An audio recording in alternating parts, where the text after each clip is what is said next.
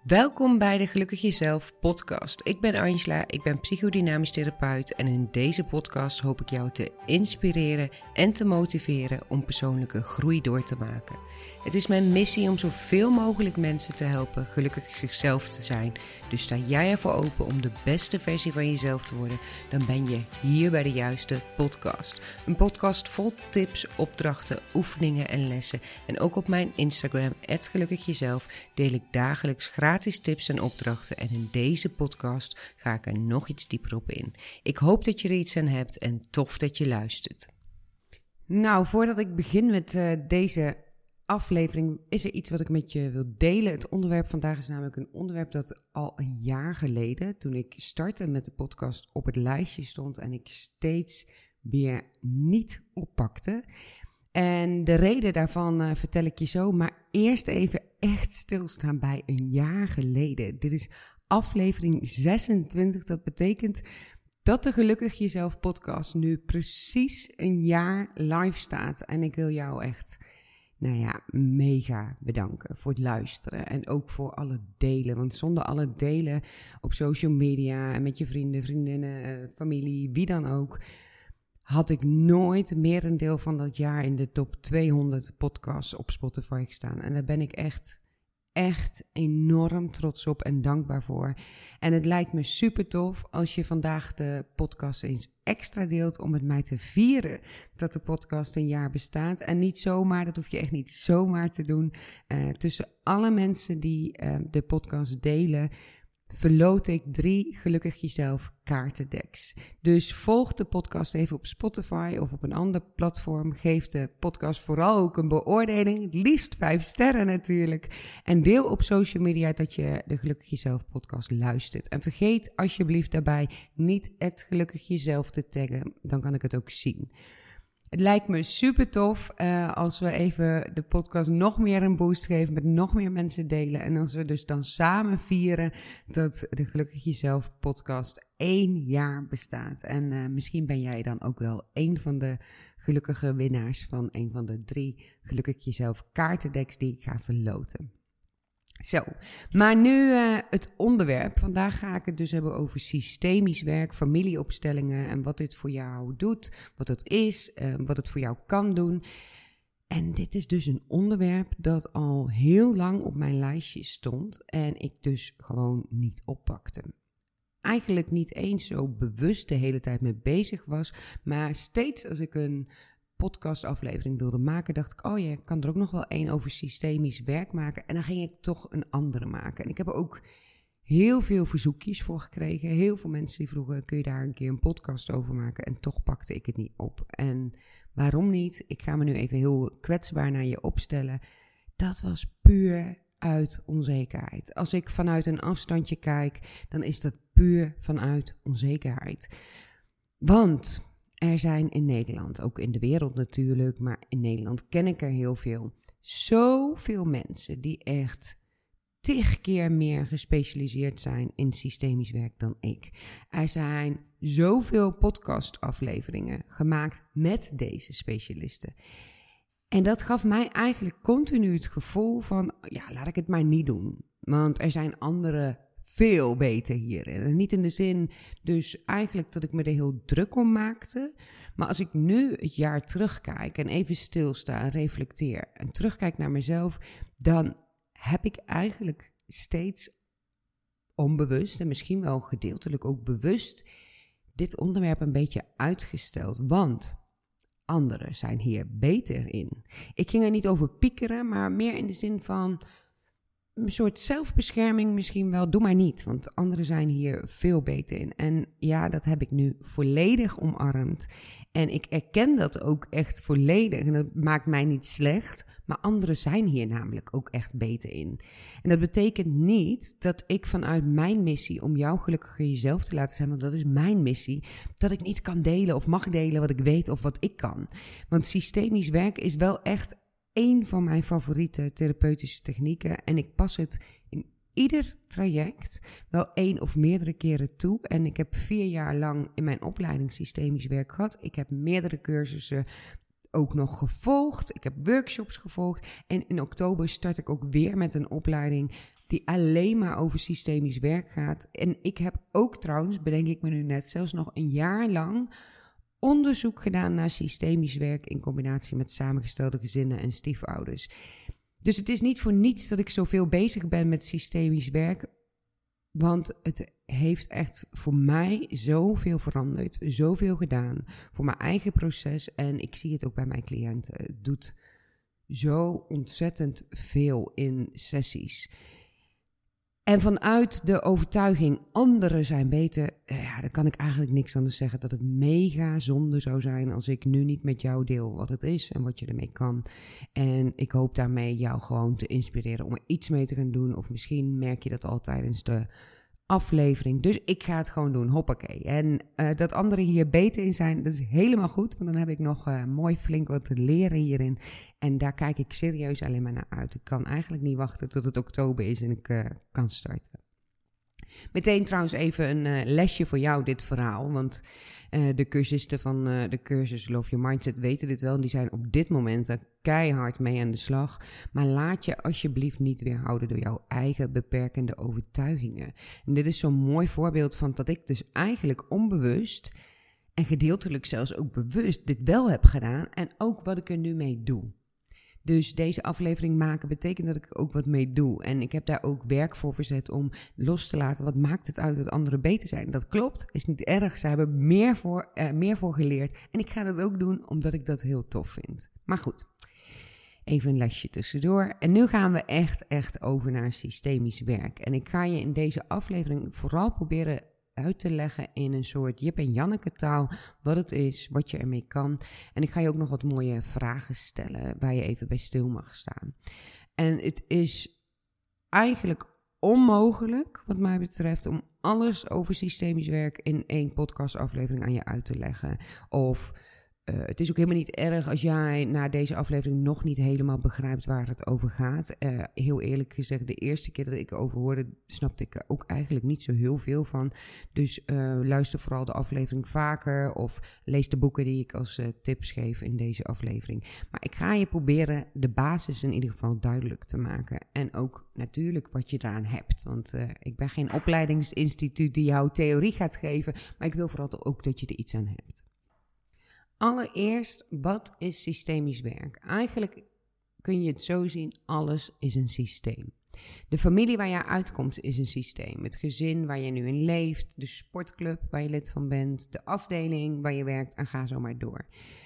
Systemisch werk gaat ervan uit dat iedereen in zo'n systeem wordt beïnvloed door het systeem waar hij of zij onderdeel van is. Dus je zit in een systeem en je wordt door dat systeem beïnvloed in dat wat je doet, hoe je je voelt, hoe je je gedraagt en eigenlijk hoe jouw leven gaat.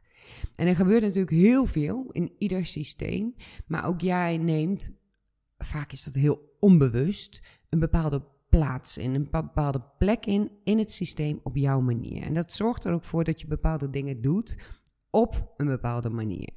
Systemisch werk is een uh, therapeutische, maar ook een coachende werkvorm om inzicht te krijgen in jouw systeem, maar vooral ook in jouw plek in het systeem.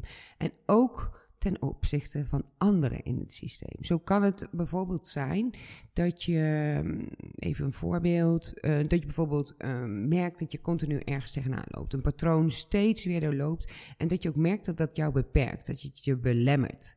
Of dat je steeds weer in een bepaald gedrag terugvalt waar je last van hebt. En dat je gewoonweg eigenlijk niet zo goed weet, hoe kan dat nou? Wat kan ik er nou mee? En systemisch werk kan je hier bijvoorbeeld enorm veel inzicht in geven. En ook echt, ja, ik, ik zie het echt als een stukje hele van jezelf, uh, compleet maken, zeg maar, uh, in jouw systeem. Systemisch werk geeft je enorm veel inzicht in jouw systeem, maar ook in jezelf. En ook een stuk, een stuk acceptatie van jezelf en van je systeem, zodat jij beter je plek in kan nemen. En zoals Els van Stijn dat zo mooi zegt, daar kom ik straks nog even op terug. Deze naam ga je vaker van mij horen. Een leven kan dan door je heen stromen als jij jouw plek inneemt. Daar kom ik nog helemaal op terug. Nou, hoe werkt dat nou, zo'n uh, dat systemisch werk? Nou, dat is direct een hele mooie, maar ook lastige. Um, voor veel mensen ook niet echt te begrijpen. En soms zie ik zelf ook dingen gebeuren in sessies waar ik ook echt even van staat te kijken. Um, want in systemisch werk werk je voornamelijk met opstellingen. En dat wil zeggen dat je bijvoorbeeld het systeem kan opstellen. Bijvoorbeeld jouw gezin van herkomst. En een opstelling is een weergave van hoe jij het innerlijk ziet en voelt. Dus eigenlijk een representatie op het veld waarop je werkt. En ik doe dat bijvoorbeeld zelf met poppetjes, maar ook met veertjes, steentjes, touwtjes, uh, nou ja, van allerlei voorwerpen. Maar ik doe dat bijvoorbeeld ook in de ruimte, in mijn praktijkruimte, met ankerplaten. Dat zijn van die gekleurde platen die, je, eh, die de cliënt op de grond legt. En uh, die staan voor iemand uit het systeem of iets wat we opstellen. Veel systemische specialisten, therapeuten of coaches werken ook met mensen. En we noemen dat representanten. Dus die representant gaat staan voor dat wat er, wat er wordt neergezet. Dus bijvoorbeeld je vader of moeder als je het gezin van herkomst gaat opstellen. Ik zelf heb dit heel vaak ervaren, zowel als cliënt als als representant. Maar um, ik werk hier in mijn praktijk niet mee met echte mensen, of ja, wel met de cliënt, maar niet met meerdere mensen tegelijk. Uh, aangezien je dan dus één, heel veel mensen nodig hebt en ook heel veel ruimte nodig hebt. En ik heb niet een zaal als praktijk, maar gewoon een uh, praktijk. Dus ik werk zelf met voorwerpen, vooral met poppetjes, en daarmee maken we een opstelling. En we noemen dat ook wel een tafelopstelling, want ik maak dat ook letterlijk op tafel. En het doel hiervan, van zo'n opstelling, is dat je dynamieken in jouw systeem duidelijk krijgt voor jezelf. En ook symptomen van jezelf, waar je tegenaan loopt, worden in een opstelling zichtbaar, inclusief de dynamiek die er dus bij hoort. Zo kan het bijvoorbeeld zijn dat je jezelf altijd ontzettend voorbij loopt en er alleen maar voor een ander bent. Maar dat je er in een opstelling achter komt dat je moeder dat ook doet en dat jij dat eigenlijk ook voor je moeder doet. Dat je bijvoorbeeld heel erg voor je moeder zorgt. En je ziet ineens ook wat maakt dat je, jij dat doet. Of wat maakt dat jouw moeder dat doet. Om maar even een simpel voorbeeld te noemen. En door de dynamiek die zichtbaar wordt in zo'n opstelling, door die te erkennen, is er ook echt verandering mogelijk in jezelf. En daarmee ook in het systeem. Want er gaat, eigenlijk kan ik zeggen, ik heb het nog niet meegemaakt dat het niet zo is. Er verandert aan jouw innerlijke houding eigenlijk altijd iets na een uh, opstelling. En op het moment dat jij uh, er iets in jou verandert, verandert er ook iets in jouw systeem. Jouw innerlijke houding verandert namelijk, waardoor het systeem ook gewoon meebeweegt. En dat werkt echt wonderlijk. Ik vind het echt wonderlijk mooi ook om te zien hoe dat steeds weer werkt. Ik had bijvoorbeeld een cliënt en ja, ze had best wel uh, eigenlijk moeite met haar ouders. En uh, we hebben uh, verschillende opstellingen gedaan. En zij zei eigenlijk na de eerste opstelling al: ik kwam binnen bij mijn ouders. En eigenlijk dat ik binnenstapte voelde al heel anders. Maar ook hoe ik tegen hun praatte. En ik deed dat niet eens bewust, maar voelde al heel anders. Maar zij deden ook anders tegen mij. En ik denk dat dat komt omdat ik anders kijk. En daar gaat het precies over. Dit is wat ik heel vaak terughoor na een familieopstelling. En het mooie aan een systemische opstelling is ook, en uh, zo is ook hoe ik over het algemeen altijd werk, je gaat het echt zien. Je gaat het echt voelen, je gaat het echt ervaren, je gaat het echt waarnemen. Want misschien luister je nu en denk je, ja, maar ik weet heus wel dat ik dat van mijn moeder heb. Uh, ja, hartstikke leuk, fijn, goed dat je dat weet. Maar jouw innerlijke houding kan onbewust wel zijn, ik heb zo'n hekel aan dat mijn moeder dat doet. Of ik vind het zo stom dat ze dat doet. Zo'n oordeel hebben, bewust of onbewust, over bijvoorbeeld je moeder. Dat noemt Els van Stein opstijgen in de fontein. Ik ga daar straks dus echt nog even op in. Um, maar ik kan je echt, echt aanraden om na deze aflevering het boek van Els van Stein te gaan lezen. De fontein uh, vind je plek. En um, ik zal die straks ook nog even noemen, zodat je hem uh, goed kan onthouden. Maar allereerst wil ik uh, voor nu even, want ik zei al, ik wil de basis vooral bespreken. Ik wil in het kort even de basisprincipes van het systemisch werk aanhalen. En die zijn namelijk belangrijk en geven je ook wel inzicht en begrip voor jouw systeem en waar het misschien voor jou een beetje een soort van disbalans zit of waar je tegenaan loopt, dat je daarin wat helderheid krijgt. Want systemisch werk gaat namelijk uit van een aantal basisprincipes. En de allereerste is erbij horen. Uh, ze noemen dat ook wel eens binding. Overal wordt dat een beetje anders genoemd. Ik noem gewoon mijn termen die ik heb geleerd. Eerst is erbij horen. De tweede is balans in geven en nemen. En de derde uh, is ordening. En tot slot erkennen. Erkennen wat er is. En ik ga even uh, kort toelichten wat dat precies inhoudt. Of ja, niet dus precies, maar algemeen inhoudt. Allereerst het basisprincipe of wetmatigheid uh, erbij horen, oftewel binding. Dit gaat om het feit dat iedereen en alles erbij hoort in een systeem. Iedereen heeft recht op zijn of haar plek, ook wanneer iemand gestorven is, crimineel geworden is, iets uh, heel ergs heeft gedaan, een slecht karakter had of wat dan ook. Iedereen hoort erbij. Dit is belangrijk in een systeem. Even een voorbeeldje hiervan. Ik had een cliënt en ze had geen contact met haar moeder. Ze zei letterlijk dingen als: Het is niet mijn moeder. Ze heeft zoveel niet goed gedaan. Ze heeft mij zo uh, ja, links laten liggen. Ik zie haar niet als mijn moeder. En nu zei ik net al iets over opstijgen. Daar kom ik straks nog even op terug. Maar hoe dan ook, haar moeder is haar moeder. En hoort bij haar gezin van herkomst hoort erbij en mag dus ingesloten worden. Ze hoort erbij. Hoe ze ook heeft gedaan, wat ze ook heeft gedaan. Ze hoort erbij. Op het moment dat we daar een opstelling um, aan de slag mee gingen, kon ze eigenlijk niet eens haar moeder toevoegen. Ze wilde niet eens haar moeder als een poppetje aan de opstelling toevoegen. We hebben verschillende uh, systemische interventies, uh, oefeningen zeg maar, gedaan. En um, we gingen daarmee aan de slag. En toen ze uiteindelijk haar moeder kon toevoegen en ook kon insluiten in het systeem en erbij kon laten horen, kwam er zo'n ontlading, emotioneel, maar ook viel er echt een last van haar schouders. Van ja, het is mijn moeder, wat ze ook heeft gedaan. En dit is echt, echt een moeilijk ding hoor, want ik kan me echt goed voorstellen dat jij luistert, dat je denkt, ja, ik heb dat ook bij mijn moeder, of ik heb geen contact met mijn vader, of wat dan ook. Uh, dit is uh, eigenlijk soms bijna een soort van gemeen. Dat, alsof je uh, dat dan maar moet accepteren. En ja, dat is dus ook eigenlijk zo. Maar dan kom ik zo, leg ik dat nog even verder uit. Nou ja, zoals Els van Stein in haar boek De Fontein zo ongelooflijk mooi zegt. En ik, ik ga het nu even schaamteloos van haar herhalen. Want dit is dus een van die personen waarvan ik vind, ja, zij is hier gewoon echt beter in. Je hebt het hele pakketje aan te nemen. Dit zijn jouw ouders. En die heb je aan te nemen, jouw ouders, met alle mooie dingen, alle niet mooie dingen en alles waar je naar verlangde, maar wat je nooit hebt gekregen en nooit zult krijgen. Dus door iets van je moeder te vinden, en wat natuurlijk mag, maar en daarmee haar buiten te sluiten, heb je uiteindelijk alleen maar jezelf ermee.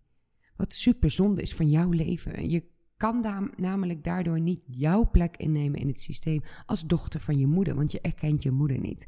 Jouw plek is de plek van het kind van je ouders. En hoe je ouders ook zijn, wat ze ook doen, of wat ze ook niet doen, of wel of niet hebben gedaan, of wel of niet hebben gegeven, mooie dingen, niet mooie dingen. Je hebt het hele pakketje, hoe zwaar dat soms ook kan zijn, aan te nemen. Dat is wat je krijgt van je ouders. Dat hoort bij jouw leven, dat hoort bij jouw plek.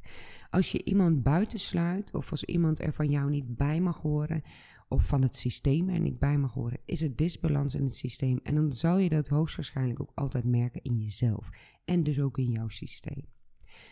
Voel eens eventjes, nu je dit allemaal zo hoort, voor jezelf, sluit jij iemand buiten? Vind jij eigenlijk dat iemand er niet echt bij hoort? Of accepteer of erken jij iemand niet als lid van jouw systeem? En als daarop het antwoord ja is, dan zal je vaak ook merken dat je uiteindelijk daar zelf last van zult hebben. Dus hoe lastig het ook is, bekijk jouw systeem, jouw gezin van herkomst bijvoorbeeld, eens vanuit dit basisprincipe. Iedereen hoort erbij. En dat brengt mij ook meteen op het tweede basisprincipe: balans in geven en nemen. Ouders geven, kinderen nemen. Dit is al een hele belangrijke om te beseffen. Ouders geven, kinderen nemen. Je hebt te ontvangen als kind van je ouders. Ouders geven wat ze kunnen geven. Kunnen ze meer geven, dan doen ze dat. En ik weet dat er nu gegarandeerd veel mensen zijn die luisteren en zeggen: ja, echt onzin of hiervan zelfs boos worden, dan had mijn vader of moeder wel dit of dat gegeven. Want zo lastig is het toch niet om een beetje liefde te geven om, of om een keer een compliment te geven. Nou, blijkbaar wel voor jouw vader of moeder. Want ouders geven, en als je zelf ouder bent, dan weet je dat ook. Ouders geven wat ze kunnen geven. En dat heb je aan te nemen. Kinderen hebben kort gezegd niet, een, niet het recht om iets van ouders te eisen. Je hebt je ouders dus te nemen zoals ze zijn, om het zo maar te zeggen. En dit is een hele moeilijke. Hier zit ook in mijn praktijk en ook bij mij voorheen heel veel weerstand op. Maar jouw ouders geven jou wat ze kunnen geven en jij hebt dat aan te nemen. Je hebt te ontvangen. Je hebt er uiteindelijk alleen jezelf mee als je niet bereid bent om te ontvangen. En die balans in geven en nemen van ouders naar kinderen is dus net iets anders dan uh, andere relaties. Want ouders geven en kinderen ontvangen. Maar als het niet tussen ouders en kinderen gaat, dan moet er dus een balans zijn in geven en nemen. En misschien herken je dat wel, die ene vriendschap waarin jij ontzettend veel geeft. Keihard werkt, overal voor klaar staat, alles doet en eigenlijk niet zoveel terugkrijgt. Daar is er geen balans in geven en nemen. En wat mij betreft is die vriendschap, sorry dat ik het zeg, ook echt gedoemd om te mislukken. Want in een vriendschap moet er een balans zijn in geven en nemen. En natuurlijk mag dat echt wel eens een periode scheef lopen, als in de een geeft meer dan de ander. Maar uiteindelijk is het belangrijk dat die balans zich weer herstelt, vereffend, om het zo maar te zeggen. Dus ook tussen broers en zussen is bijvoorbeeld een balans in geven en nemen belangrijk. Die langdurige, een langdurige disbalans in geven en nemen is eigenlijk niet vol te houden. Dus voel eens voor jezelf, kan jij ontvangen? En waar in jouw leven heb jij meer gegeven en waar in jouw leven heb je meer genomen, meer ontvangen? Sta daar eens even bij stil. En ik ga vooral even verder voordat ik hier een uh, half uur stil ben om jou erbij stil te laten staan. Je kunt natuurlijk de aflevering op pauze zetten of de vragen voor jezelf opschrijven, zodat je er later even bij stil kunt staan. Maar het volgende basisprincipe wat ik wil bespreken is ordening. En iedereen heeft een bepaalde plek in het systeem. Daar gaat dit over. En in een familie is dat een chronologische plek. Wie het eerst komt, staat op de eerste plek. Als jij het oudste kind bent van je ouders, dan is de volgorde in het systeem vader, moeder en dan jij. En dan je broertjes, zusjes of uh, broer of zus of wat dan ook. Vaak zie ik in opstellingen dat een kind eigenlijk op de plek van haar ouders gaat staan. Of dat een jongste kind de plek inneemt van het oudste kind. Of zelfs de plek inneemt van haar moeder of zijn moeder. En daar heb je last van. Je neemt daar namelijk niet jouw plek in. Jij hebt namelijk een vaste plek in het systeem. De plek van het kind.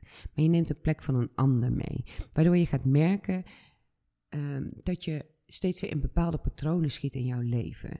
Ordening, dit, basisprincipe, dus dat iedereen een plek heeft hè, in, in een bepaalde volgorde, biedt zekerheid, biedt duidelijkheid, biedt voorspelbaarheid. Het geeft overzicht, ook een stukje veiligheid en inzicht in grenzen.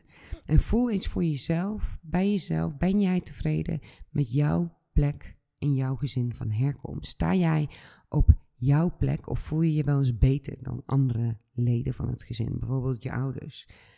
Neem jij bijvoorbeeld wel eens meer verantwoordelijkheid dan past bij jouw plek in het gezin? En dan zal je dat hoogstwaarschijnlijk ook in je leven in alles merken. Dat je voor alles en overal verantwoordelijkheid pakt. En ik had uh, gisteren een cliënt en bij haar was dit precies aan de orde. Zij zei, maar dit doe ik niet alleen in het gezin. Dit doe ik overal. En ik word er doodmoe van. Er kwam echt een soort. Het was een eye-opener, echt een aha-moment. Show, dit, hier komt het vandaan. En je kunt je ook wel voorstellen dat je continu een verantwoordelijkheid pakken die niet bij je hoort, dat je dat niet kan volhouden. Dat, dat niet alle verantwoordelijkheid bij jou hoort. Dus je kunt het nooit dragen. Je kunt, hoeft dat ook niet te dragen, want het hoort niet bij jouw plek. En in een opstelling kan je ook hierachter komen dat het eigenlijk uit jouw systeem komt door de plek waarop je staat. En op het moment dat jij, en zo, het klinkt misschien simpeler dan, dan het daadwerkelijk is, besef ik me. Op het moment dat jij echt jouw plek in kunt nemen, kun je daar ook veel beter staan. En hoef je ook niet dingen te doen die bij een andere plek horen. Nou, ik hoop dat je het nog een beetje begrijpt. Nou, wat is daar nou allemaal zo belangrijk aan, aan die basisprincipes en, en aan het systemisch werk? Wat mij betreft is het belangrijkste dat jij jouw plek inneemt. Als jij niet jouw plek inneemt, kun je jouw leven niet ten volste leven. En merk je dat, dat je minder goed uh, kunt functioneren, dat je steeds weer tegen dezelfde dingen aanloopt, waardoor je vaak niet echt gelukkig kunt zijn. En door jouw eigen plek in te nemen, kan je ook een aandeel leveren aan jouw systeem, zoals dat passend is bij jouw plek. Als, zoals de zoon of dochter in plaats van de plek van de moeder, omdat je voor je moeder zorgt, of voor je vader zorgt, of voor je broers of zussen zorgt. En wat ik het mooie vind aan de uitleg van Els van Stein, is dat zij werkt met de fontein, met een fontein als metafoor. En Eigenlijk weerspiegelt die fontein precies alles wat ik je in deze aflevering heb verteld. Els van Stein geeft aan dat je het systeem waar je in zit kunt voorstellen als een fontein waar water naar beneden stroomt. Ik in mijn sessies en dat zegt misschien meer iets over mij, vergelijk ik het ook wel eens met een champagnetoren waar je een fles champagne in leeggiet. Misschien zegt dat iets over mijn uh, liefde voor uh, wijn en champagne. Maar goed, uh, Els van Stein ehm, zegt, je kunt je systeem voorstellen als een fontein waar water naar beneden stroomt. En jij hebt daarin een plek. En jouw plek is altijd onder de bak van je ouders, als eerste kind of als tweede kind, et cetera. Het uitgangspunt hierbij is dat je op jouw plek in jouw kracht komt. En het komt er, het komt echt enorm vaak voor dat je om welke reden dan ook, vaak totaal onbewust, uit jouw bak in die fontein bent gegaan. Bijvoorbeeld uh, in een bak van je ouders of zelfs daarboven bent gaan staan. En dat noemt Els van Stein opstijgen. Zij legt het in het boek helemaal uit, dus lees het echt vooral even. Uh, de fontein, vind je plek, zo heet het boek. En wat daarbij uh, vooral ook echt een belangrijke is, en wat ik een hele rake vond, en ik citeer het even letterlijk uit haar boek. Wil jij goed voor je kinderen zorgen? Zorg dan dat je goed op jouw plek staat in de fontein, waardoor jouw kind niet onbewust hoeft op te stijgen naar jouw plek. Een kind stijgt op omdat een ouder een tekort heeft, waardoor een kind zelf behoeftig wordt. Er zijn ook meerdere mogelijkheden, oftewel redenen waarom je opstijgt, volgens Els van Stein. En één daarvan noemde ik al: zorgen voor iemand die boven je in de fontein staat, in het systeem dus. Dus eigenlijk verantwoordelijkheid nemen die niet van jou is. En een tweede noemde ik ook al even in deze aflevering: een oordeel hebben over iemand die boven in, je de, in de fontein staat. Bijvoorbeeld iets vinden van je moeder. En het is belangrijk om jouw eigen plek in te nemen. En mijn ervaring is dat je, dat je dat veel beter lukt als je een systemische opstelling hebt gedaan of een systemische cursus. Hè. In mijn online cursussen uh, verweef ik ook heel vaak systemische dingen, zodat je daar een feeling mee krijgt. Hey, wat is mijn plek en wat doe ik eigenlijk? Zodat je veel beter inziet, voelt en dat je innerlijke houding ten opzichte van het systeem en de leden van het systeem ook veranderen, waardoor jij gewoon letterlijk veel meer jouw leven kunt leven. Als jij namelijk opstijgt en je mag een oordeel hebben van mij over je moeder en ik snap het, of over je vader, of hè, ik, ik begrijp het. Maar eigenlijk heb je daar dus alleen maar jezelf mee. En dat is toch super, super zonde van jouw leven. Dat je eigenlijk door je ouders niet te erkennen of niet te accepteren om wie ze zijn. En het hele pakketje aan te nemen, zoals Els van Stein dat zegt dat je eigenlijk jezelf daarmee in de weg zit. Ik vind het echt doodzonde. Dus um, ja, het is mooi als je dat kunt doen met een systemische opstelling. Of misschien krijg je al heel veel inzichten door deze aflevering. Of ga je nog boeken erover lezen. Alles is natuurlijk goed. Het is jouw proces. Hè? Um, ik vind het in ieder geval echt, echt uh, iets heel wonderlijks, systemisch werk. En ik hoop dat ik jou vandaag een beetje een inkijkje heb kunnen geven. Dat ik je een beetje heb kunnen uitleggen waar het over gaat. En lees echt vooral boeken over. Ga mee in de slag. In mijn online cursus, ik zei het net al, verwerk ik echt vaak systemische aspecten. Ik ben nu ook bezig met een veel meer, uh, nog, waar nog veel meer systemisch werk in zit, met een nieuwe cursus voor het najaar. Uh, trouwens, de cursus Patronen doorbreken is een systemische cursus. Um, dat is een systemische opstelling waarin je dus niet je familie opstelt, maar jouw patroon. En um, ja, daarin krijg je ook enorm veel inzichten. Want ook een patroon is een systeem met verschillende dynamieken en verstrikkingen. En doe jij ook dingen op een bepaalde manier. Het een zorgt voor het ander. En er zijn verschillende inzichten die je daarin kan krijgen. En ook dus veranderingen daardoor. Nou goed, ik, ik kan nog wel uren uh, doorgaan, maar ik merk aan mezelf als ik nu praat dat het best veel is. En ik kan me voorstellen als je dit voor het eerst hoort dat je denkt, ja, pff, ik haak af of ik uh, begrijp het niet of ik moet dit echt nog een keer luisteren. helemaal als je niets weet over systemisch werken en dit de eerste keer is. Maar ik hoop dat het jou helpt om eens met andere ogen naar jouw gezin van herkomst te kijken, naar de dynamieken te kijken, naar het luisteren van deze aflevering. Al is het maar een klein stukje. En um, nou ja, ik hoop voor nu dat ik jou vooral heb kunnen inspireren. En dat je misschien wel dus zelfs op een andere manier naar jouw systeem kan kijken. Of dat ik je heb weten te motiveren om ermee aan de slag te gaan. En helaas um, is mijn praktijk eigenlijk altijd zo goed als helemaal vol. Al mag je natuurlijk altijd een berichtje sturen. Maar er zijn in Nederland heel veel mensen die systemisch werk toepassen. Dus check vooral even. Luister podcasts hierover. Lees er boeken over. Uh, hou mijn Instagram ook echt in de gaten. Want er komt echt in het najaar een hele, hele mooie cursus aan. En voor mij was het een soort bevrijding. Een bevrijding. En ik hoop dat um, alle, um, alles wat jij met systemisch werk gaat doen gaat doen ook een bevrijding is voor jezelf. En de eerste keer dat ik een systemische opstelling deed, snapte ik er eigenlijk helemaal niet zo heel veel van. Maar het deed zoveel met me. En tegelijkertijd kon ik er niet helemaal mijn vinger op leggen. Maar het heeft heel veel voor mij veranderd. Daarom vind ik het ook een mega interessant onderwerp. En het is niet voor niets natuurlijk dat ik wederom een opleiding hierin ga volgen. Dus... Uh, nou ja, goed. Nou goed, laat even weten wat je van deze aflevering vond. En of je er iets mee kan of wil doen. Of iets aan hebt gehad. Hè, wat je ermee kan. En voor nu bedankt voor het luisteren. En hopelijk zie ik je weer terug bij mijn volgende aflevering. Of op Instagram of bij een van mijn online cursussen. Hele fijne dag voor jou.